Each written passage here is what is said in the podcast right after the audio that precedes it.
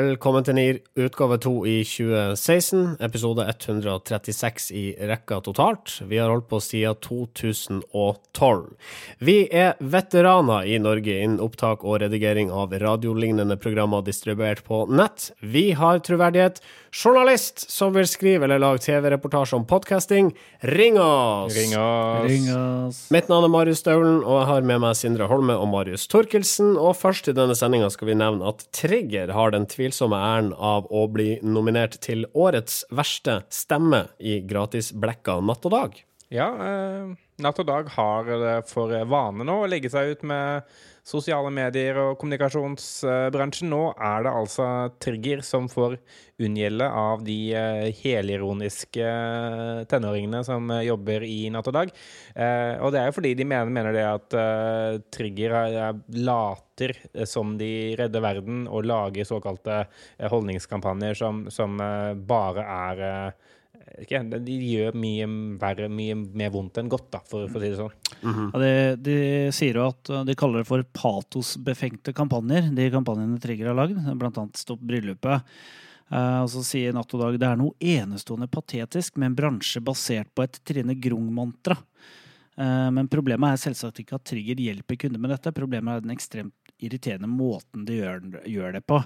Uh, og Trigger har jo gått ut og eh, forsøkt å forsvare journalistikkens troverdighet, og de har tatt en sånn der posisjon som en, som en som skal redde bransjen. Eh, de, de ønsker å være veldig gode da, og snille, og det, det, det syns Natt og Dag er patetisk, fordi nettopp Trigger er jo et eh, PR-byrå. Ja. Men eh, selvfølgelig, Preben Karlsen syns jo det er stas å bli nominert til eh, ting. Eh, det vet vi jo. Han, er jo. han sier det at de har allerede ryddet plass i premieskapet, eh, og tar altså da det, det her med knusende ro, ifølge kampanjen. Ja, vi skal jo ikke dele ut tomler opp eller tomler ned i introstykket, men jeg syns det er veldig godt håndtert. All right. Um, og klesmerket Diesel er første brand som ikke har porno som kjernevirksomhet, til å annonsere på pornhub.com. Ja, det, det er fint å igjen kunne få inn eh, Pornhub i eh, norske informasjonsrådgivere. Det er jo eh, det er en viktig underseksjon av kommunikasjon og, og sånn, dette her med porno. Og, og for, Forrige uke så kunne jo Melk og Honning, motbasert nettsted, melde det at Diesel skulle ha en motvisning via Grinder, som bl.a. er en sexapp for homofile, og sikkert ikke så veldig mye mer, uten at jeg er veldig godt kjent med det. Denne uka så kan de melde at nå skal de altså begynne med annonser på bl.a. Eh, Pornhub. Eh, og, og det er jo det jo spenstig. Det setter jo virkelig et statement fra et eh, klesmerke som, eh, som Diesel. Ja, eh, og det som blir spennende å, se, er jo om, om det blir sånn at når du klikker på dieselannonsene, at du da får virus på maskinen, som du da får, vel får hvis du klikker på sånne pornoannonser. Det får Ja. du kanskje ikke? Nei, det gjør du kanskje ikke. Jeg tenker, Er ikke dette her en liten seier for porno? Altså, Det er blitt såpass stuereint nå at et storbrand som Diesel faktisk er villig til å annonsere der. Ja. Ja, det, er, det er det. Og, og det, er sånn, det, må, det at man er først på å gjøre det, gjør det at eh, de kommer til å få en del omtale av det. Og jeg tror kanskje det er et like stort eh, like, like stor grunn til å gjøre det som det å faktisk annonsere. Nettopp at det folk skal snakke om at de gjør det, sånn at Diesel da blir litt mer eh, kjent. Eh, Diesel selv sier jo det at eh, det var eh, selvfølgelig en del skrekkslagne fjes på kontoret, men uh, så bestemte seg for at dette her, det er perfekt. Det er så diesel. La oss gjøre det. det er skikkelig diesel, og de skal altså i tillegg til Pornhub annonsere på YouPorn, Grinder uh, som nevnt, og Tinder. Jeg syns Um, det er en interessant analyse av kundereisen som han eh, Formichetti i Diesel kommer her også. Han sier du vet, porno er noe alle ser på, men ingen snakker om. Så før du begynner å runke, kan du jo ta en titt på våre nye bukser og sko. altså Det er sånn OK, ja, ja vel. Det er kanskje, det er kanskje sånn man velger å kjøpe eh, sko og bukser. OK. Nei, men det var en grei start på denne sendinga. Jeg sier igjen velkommen til episode 136. Norske informasjonsrådgivere. Kosedyr kan være livsfarlig, det mener i alle fall Landsforeninga for hjerte- og lungesyke. I en ny kampanje, hvis målet er å få folk til å vaske bamser og andre tøylignende skapninger oftere, har de fått hjelp fra en dukkemaker, som da har laga kosedyrversjonene av Kim Jong-il, Muhammad al-Gaddafi og Adolf Hitler. Smakløs skremselspropaganda, mener PR-nestor og BI-professor Peggy Brønn. Ja, altså Peggy Brønn mener dette er uh, tullete, uh, og mener at uh, dette er skremselspropaganda som ikke kan ha noen effekt. Og det er en type kampanje som drar PR-faget ned i søla. og det er jo et jeg må jo si, når jeg så denne, disse bamsene på Kreativt Forum og kampanje, så så skjønte jeg ikke hva var dette her for noe. Eh, er dette en, kampanje mot, eh, mot, å skape psykopater? Og få barn til å ha, ha, despoter som idoler fra de er små? Eh, jeg syns det, er et veldig, veldig sterkt virkemiddel. Og, men samtidig så, så, er det, så er det jo, har det jo en viss relevans, selv om jeg mener at den også er litt sånn rar, den kampanjen her det er en eller annen disconnect mellom hva den faktisk uh, gjør, altså hva, hva, disse bildene viser oss, og hva de ønsker å si. Fordi jeg, jeg tenk, tenker det at uh, Jeg er enig i at uh, Hitler og Kim Jong-il og, og, Gaddafi ikke er bra, eller har vært bra mennesker. men samtidig så, så, er den koblingen over fra det til at hvis du har et bamse i rommet, så kan bamsen spre mye støv, og støv er på en måte da som som da Altså, støvet fra bamsen er da en slags sånn analogi til Hitlers politiske tankegods. At det sprer seg i rommet, men du ser ikke at det er der. Og plutselig så er rommet så fullt av det at det blir vanskelig å puste, altså metaforisk sett. Eh, sånn som jeg tolker det. Og jeg syns det er et ganske langt steg eh, å, ta, da. Framfor bare å si det. Altså, vet du hvor jævla mye støv det er i bamser? Altså, det er sykt mye. Det hadde folk Hvis du, hvis, hvis du er foreldre, da, så er de interessert i at barnet ditt skal eh, leve og sånn. Og, og, og, da er det nok å høre det at det er sykt mye støv i bamser. Jeg var ikke klar over at, at bamser hadde så mye støv. Jeg tror ikke bamsene jeg hadde da jeg var barn, ble vaska så veldig ofte. Ikke, de, ikke, barna mine sine bamser heller, så jeg bør egentlig begynne å vaske det.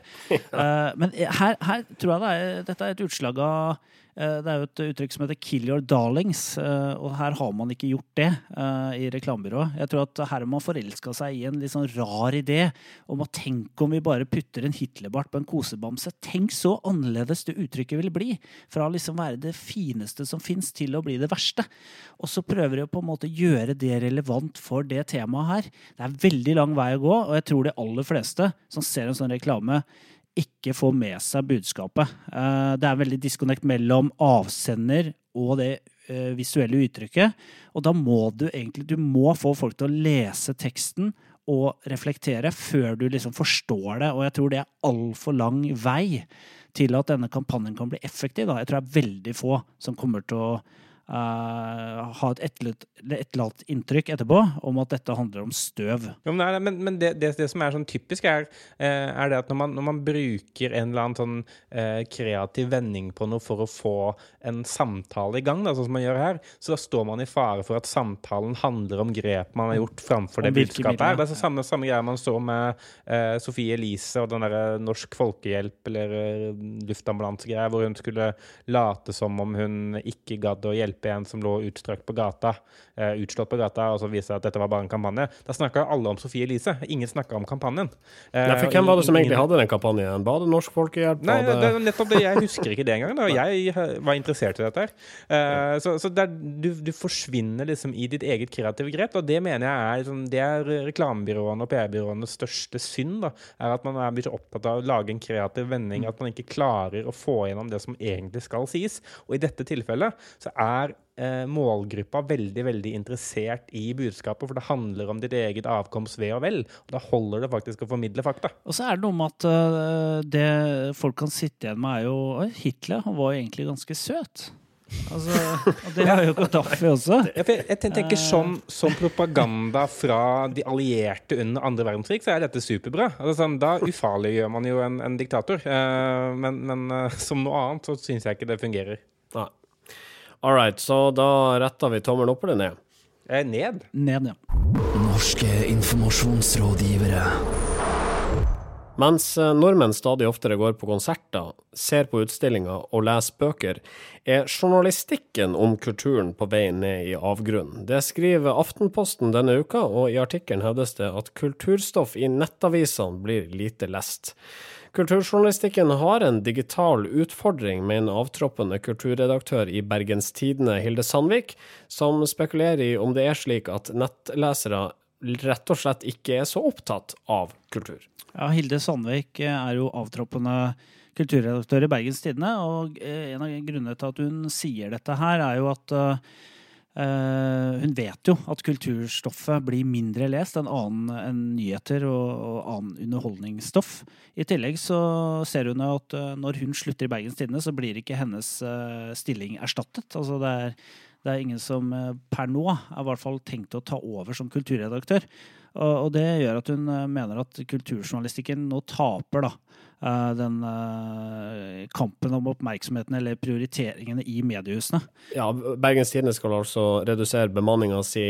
30 eh, av 135 medarbeidere må gå, og de tar altså kulturfolket, og så skal de halvere fotoavdelinga. Ja, og det, det, er jo noe med jeg, jeg tenker at kulturstoffet, når det var på papir på den tiden, så var det jo også tilgangen til kulturuttrykk, eller musikk, film og og konserter litt annerledes. Uh, I hvert fall når det gjelder uh, musikk og plater.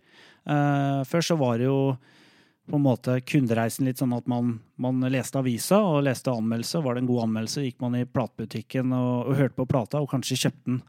Nå er det jo ofte sånn at man oppdager musikken på Spotify, og så kanskje man gidder å lese en plateanmeldelse, eller kanskje ikke man gidder det, fordi, fordi at det er noen bloggere som har skrevet om plata, eller fordi at uh, også noen av strømmetjenestene har, sånn, har musikkanmeldelser. Så det er noe med at uh, det er bruken av det kulturstoffet er nok litt annerledes i dag enn tidligere. I tillegg så har hver eneste publikummer som er på en konsert eller en forestilling, uh, mulighet til å uh, dokumentere opplevelsen og, og, fortelle om det på sosiale medier. Så, så kulturjournalisten har nok en Eh, litt annen rolle i dag enn han hadde tidligere. Men altså, eh, det, er jo ikke, altså, det, det, som du beskriver kulturstoffet som, det er jo ikke det som er morsomt med kulturstoff i dag. I hvert fall, altså, Det jeg syns er morsomt med kulturstoff, f.eks. en eh, plateanmeldelse, er jo å gå og lese i kommentarfeltet og se hvor mange som er uenig med anmelderen. Ja. Det er jo kjempemorsomt. Ja, ja det, det, er veldig gøy. Og så er det jo det der med å, å bruke kulturstoff som en måte å sette i gang eh, debatter på. Da. Eh, men, men samtidig så er altså tilfanget mye større da, eh, av, av, kulturanmeldelser, og ikke minst av anmeldelser for å holde oss til der, da. Og av anmeldelser fra andre fans, da, eller kanskje andre folk enn aviser som du stoler med på.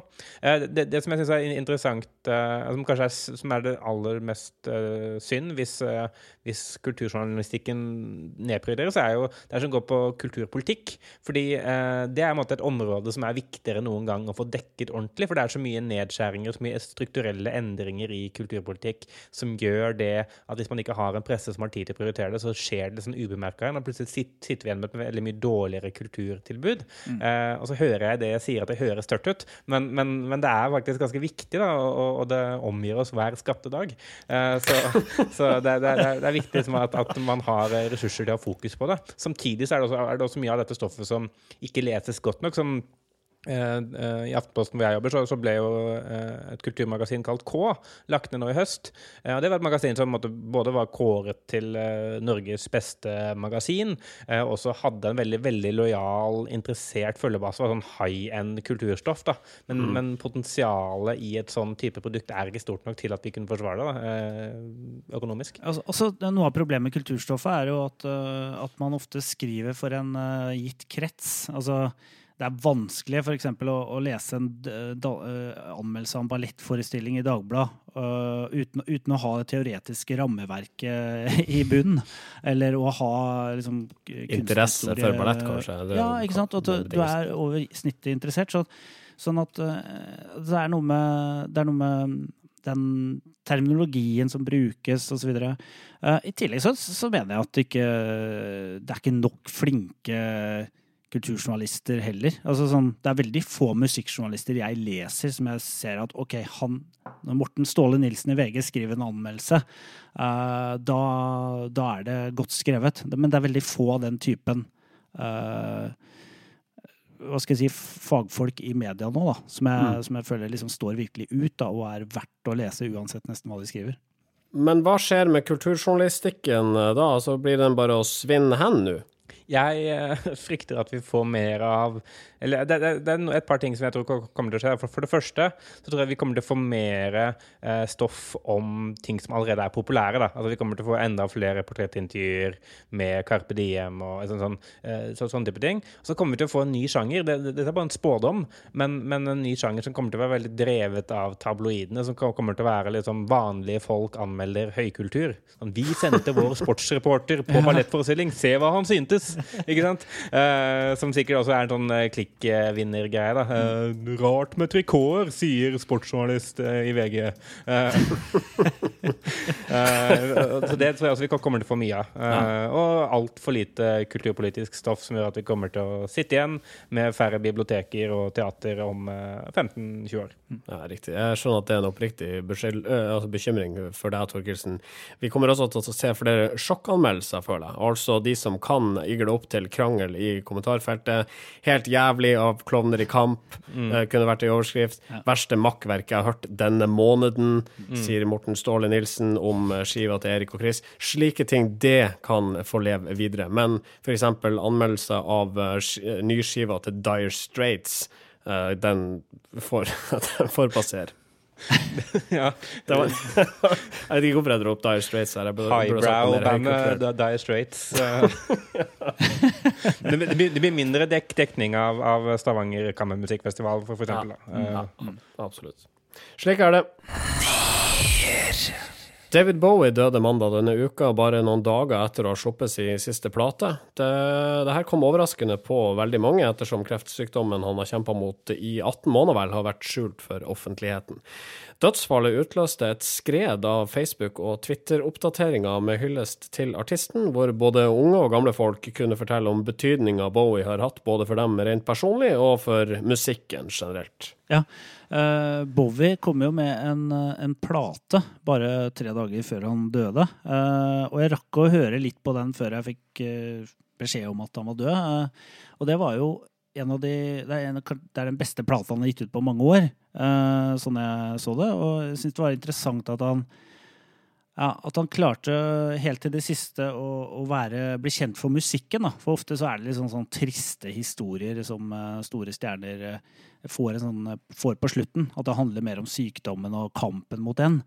Uh, og så er det noe med, Men så er det jo også interessant å, å tenke på at Bowie er jo ikke en artist mange har snakka mye om uh, i sosiale medier de siste åra. Men når han er død, da er folk ganske ivrige på å dele uh, sine minner og ja, sin smak. For han har, vært, han har vel ikke vært top of mind hos så veldig mange, si grovt i alderskategorien 2040 de, de siste årene. Nei, det Annet enn de som hørte selvfølgelig ei julelåt med han. ja, Nå har han kommet vi rett ut av Little Dumb Drummer Boy uh, ja. etc. Uh, høy, høytiden. Uh, men, men, det som overraska meg, var jo det at så mange hadde et så sterkt forhold til David Bowie. Og nå føler jeg bare at jeg er nødt til å si ikke noe disrespekt til han fordi han er død, fordi vi sikkert får kjeft, men jeg tror ikke noe på det, da. Jeg tror ikke på at dere, og da snakker jeg til dere lyttere, er så opptatt av uh, David Bowie, og at det er grunnen til at dere måtte dele dette her med bl.a. meg på, på Facebook. Jeg, jeg opplever at det var veldig veldig stor grad av dette er en artist som har ganske mye kred. Det er ganske mye kred å like David, David Bowie. Uh, og da Hvis jeg deler noe nå, så framstår jeg som en bedre person. Altså, man later som man sørga for å få kred. Såkalla kred-sørging. Sindre, du uh, delte et par Bowie uh, hyllester. Uh, ja. Var dette kredsørging, eller var det oppriktig? Uh, jeg, dere tror sikkert ikke på meg, men jeg, det var oppriktig. jeg har likt Bowie eh, lenge. Eh, sånn på Roskilde på, på 90-tallet. Men det som er spesielt ja, det, ja, det som er poenget mitt, det er, det er ikke kred. Eh, fordi at eh, når det gjelder eh, eh, kredibilitet og deling så, og, av artister, og at lenker man deler, så er det ikke nok å dele en lenke. Altså, så, så jeg så NRK uh, hadde et innslag om Bowie, og da hadde de Lydsporet var Let's Dance. Altså det er den minst kredible låten kanskje Bowie har gitt ut. Altså en, det er en låt han ikke eh, orker å har lyst til å spille live sjøl engang. Uh, sånn at det er noe med Det er hva du deler, da. Jeg så sant, en eh, felles uh, tidligere kollega av oss som delte teksten til Hunky Dory, eller uh, ja, eh, Hvem var det? Ja, ikke sant? Der ser du. Jeg har ikke kreden i orden. Men eh, det, var fra, det var fra den Berlin-perioden hvor han eh, samarbeidet med Brian Eno, og det er liksom det mest kredible man kan dele. Deler man eh, ting, minner derfra, eller liksom fra de og de platene, da er det kredibelt. Det jeg delte, var jo eh, en låt eh, han gjorde på 90-tallet. Og det er jo liksom ja, det er, Da er du altfor seint ute. Da, har liksom, ja, men da var da var, ikke, da var Bowie mainstream, så det er ikke kult. Men jeg, jeg er litt sånn opptatt av at, vi nå kan eh, anerkjenne det her med at uh, det, er, det er en trend. Altså det her med å, å, å late som om, om uh, F.eks. David Bowie har betydd mye, ikke fornødvendigvis for deg. Jeg sier, at, jeg sier ikke at ikke noe er ek ektefølt, men det er veldig mange som deler dette her, og det er ikke ektefølt. Det finnes ikke ektefølt. Man forstår at dette her er noe som er bra for mitt personlige brand å dele, og derfor later jeg som om jeg liker David Bowie. Eh, og I tillegg så går jeg sikkert da på Wikipedia og finner ting der som jeg legger ut fordi jeg ikke visste det. Eh, og, og jeg syns ikke det er greit. da. Jeg syns ikke jeg bør utsettes for det, bare fordi du er usikker på om vi andre på Facebook liker deg godt nok, så må ikke jeg lese teksten til Rocketman. Det syns ikke jeg er uh, fair. Uh, og, og, og så, I tillegg så kan du også innrømme det. da. Sånn, her vet jeg, jeg nå, snakker, nå sier jeg du, da mener jeg ikke Sindre, men du som lytter. Uh, da syns jeg at du heller kan være ærlig på det og si at dette her er veldig bra for meg å dele, og derfor gjør jeg det. Ja. Um, og så må vi jo Altså, vi, vi ønsker jo ikke å havne på kanten med, med noen her. Og når vi refererte til deg lytter, så er det ikke nødvendigvis deg lytter. For det kan hende at du var like glad i Bowie som, som Sindre, og har hørt på alt altså siden 90-tallet og, og de tingene der, da. Men samtidig så er det ingen, ingen som kommer til å innrømme dette her, da, at, at de kredsørger. gir. Så alle, alle kommer til å ha mitt forhold til Bowie var utrolig spesielt. David Bowie ga ut sin første plate i 1967. Jeg, hvordan skal jeg ellers visst det hvis ikke jeg var storfan? Eh, altså, eh, nå er det jo en annen eh, stor eh, stjerne som døde noen eh, bare et par uker. og Døde i jula. Det var jo Lemmy i Motorhead. Eh, og da så også mye av det samme. Bare at da føler jeg at mye av, delingen var mer sånn Det var så utrolig knapt, da. Det var ikke sånn utmaling og legge ut tekster og Det var Der tror jeg det var mer hardcore metal-folk som delte, faktisk. At de sørga over Lemmy. Så den var litt mer, eh, ja, litt mer troverdig. Ja.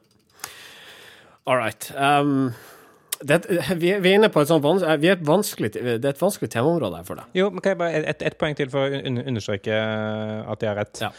Um, hvis for eksempel da en, en annen stor artist da, som, altså, som i en kontekst hadde solgt like mye skiver og blitt spilt like mye som eksempel Bjarne Brøndbo da, i en norsk kontekst. Hvis han hadde dødd, så hadde man ikke sett det samme eh, vellet av, av Facebook-oppdateringer. Og det er ikke fordi nordmenn i større grad har vært mindre på Bjarne på DDE-konsert enn de har vært på Bowie-konsert. Heller motsatt.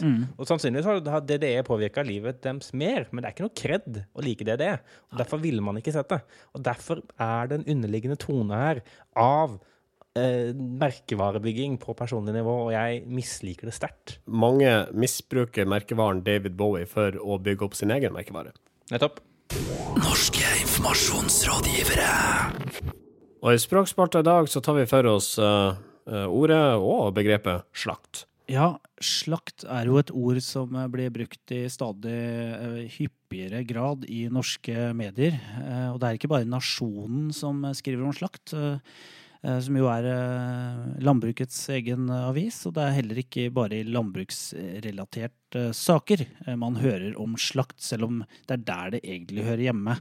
Eh, Dette er et ord vi ble liksom ekstra oppmerksom på eh, denne uka, eh, i etterkant av Golden Globes. For da eh, hadde eh, Lady Gaga Hun dultet borti Leonardo DiCaprio. Eh, Som satt og lo i en stol, og akkurat idet Lady Gaga dulta borti ham, så reagerer han på en måte som noen på Twitter mener var kritikkverdig.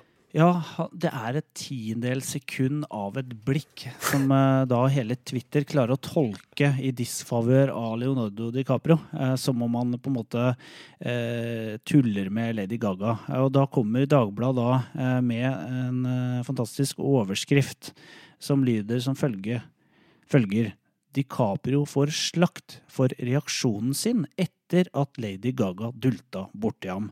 Denne saken lå jo på topp eh, på Dagbladet en, eh, en liten periode eh, dagen etter Golden Globes. og da, eller Golden Globe, heter det. Og da tok vi tak i dette ordet. Hva er det egentlig man sier her? For er det egentlig slakt riktig ord å bruke? Slakt er jo noe som eh, Når man slakter noe, så, så, så gir det en eh, uopprettelig skade. Eh, og Ja, så du dør jo hvis du blir slakta. Det er jo det som er. Altså, slakting på en gård, da, eh, da ender du livet til en sau, f.eks. ja, du, det er kan ikke, slakt. lis- du kan ikke sy sammen det, det dyret etterpå. Eh, Ja, det kan du selvfølgelig gjøre, men det hjelper ikke så veldig mye. Stemmer. Så det riktige her er jo å si eh, kritikk. Men uh, mediene bruker nå i, i stadig større grad slakt istedenfor kritikk. Ja, ikke sant? Fordi altså, slakt uh, fra den opprinnelige betydningen er jo avlivning av dyr, og den beredning som følger da direkte etter avlivning. avlivning, Avlivning? Avlivning. Avlivningen. Eh, og innenfor slakt så, så regner man også bedøvning, blodtapping, flowing og ut, uttagning samt kløyving.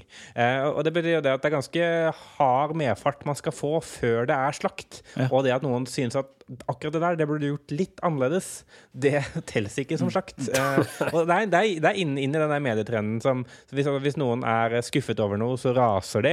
Eh, hvis de mener noe var litt dumt, så raser de. Eh, man drar liksom eh, hendelser ut mot ekstremer for å få både bedre overskriften, altså få bedre saker.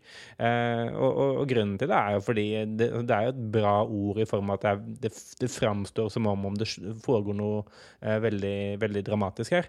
Eh, samtidig så, så mister det all verdi når det brukes eh, i overflod. Da. Ja, for hva skal du bruke når eh, noen virkelig får så ørene eh, flagrer? Slakt er kanskje en av de sterkeste synonymene der, på samme måte som man i dag, eh, heller enn å skrive 'bussjåfør Ivar ble overrasket' da eh, bussen punkterte midt på riksveien, så er det altså bussjåføren Ivar fikk sjokk da eh, nevnte buss Ja, punkterte. eh, problemet med, med det, ikke sant? det er jo at man devaluerer eh, ordets eh, betydning. Og det, og det er jo ikke sant? til og med Aune Sand som jo får slakt i, i riktig betydning, eh, vil jeg si, når han gir ut en bok eller en film, for det er så dårlig og det er, det er virkelig ikke håp.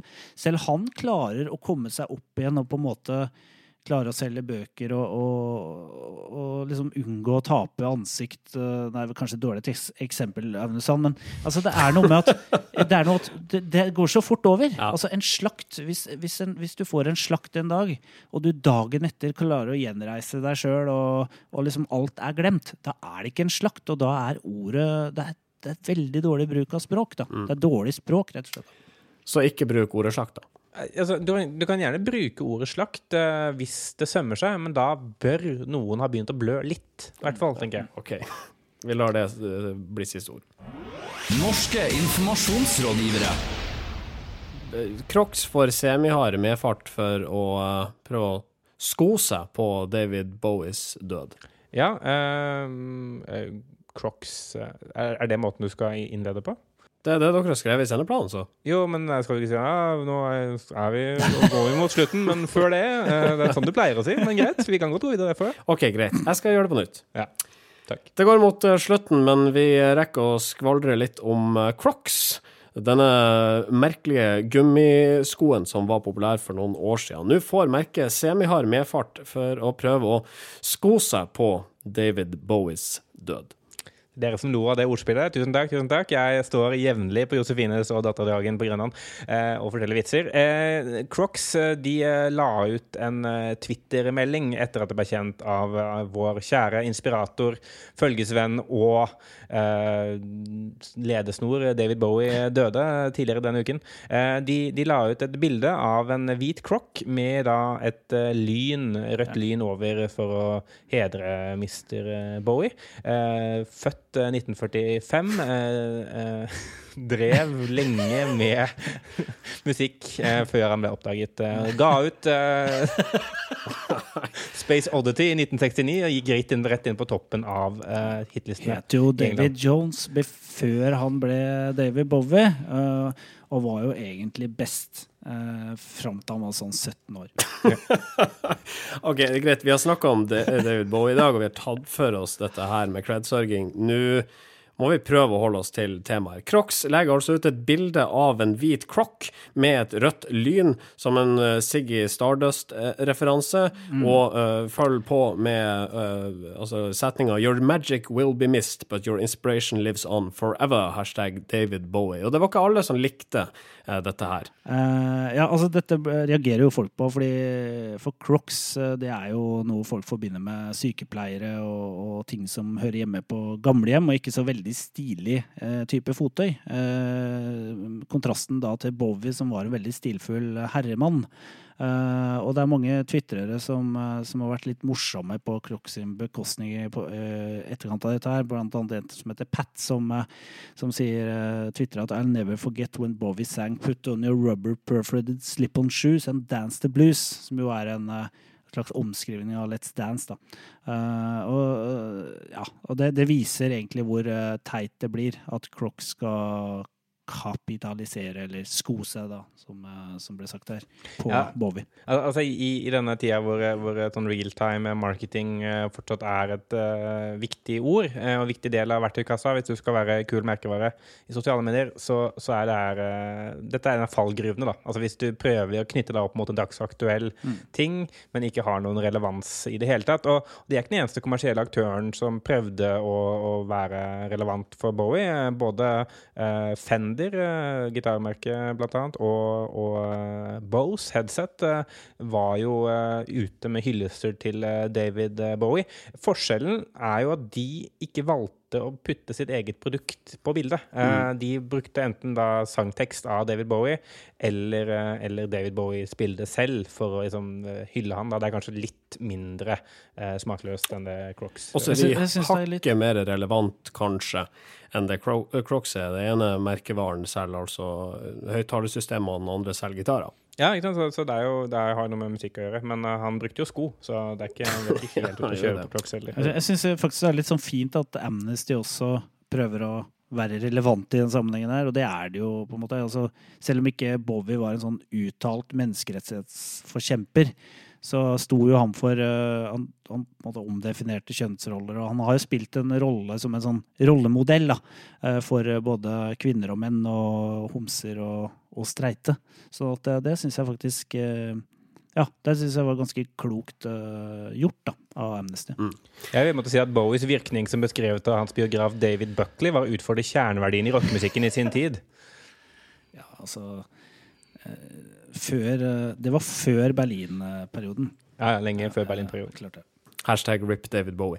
Um, All right. Uh, Nå tror jeg det er på tide at vi uh, stopper opptakene her. Vi er tilbake om ei uke. I mellomtida så finner du oss på uh, Facebook.com slash Nearcast, Soundcloud.com slash Nearcast. Eh, sjekk også ut kreativtforum.no.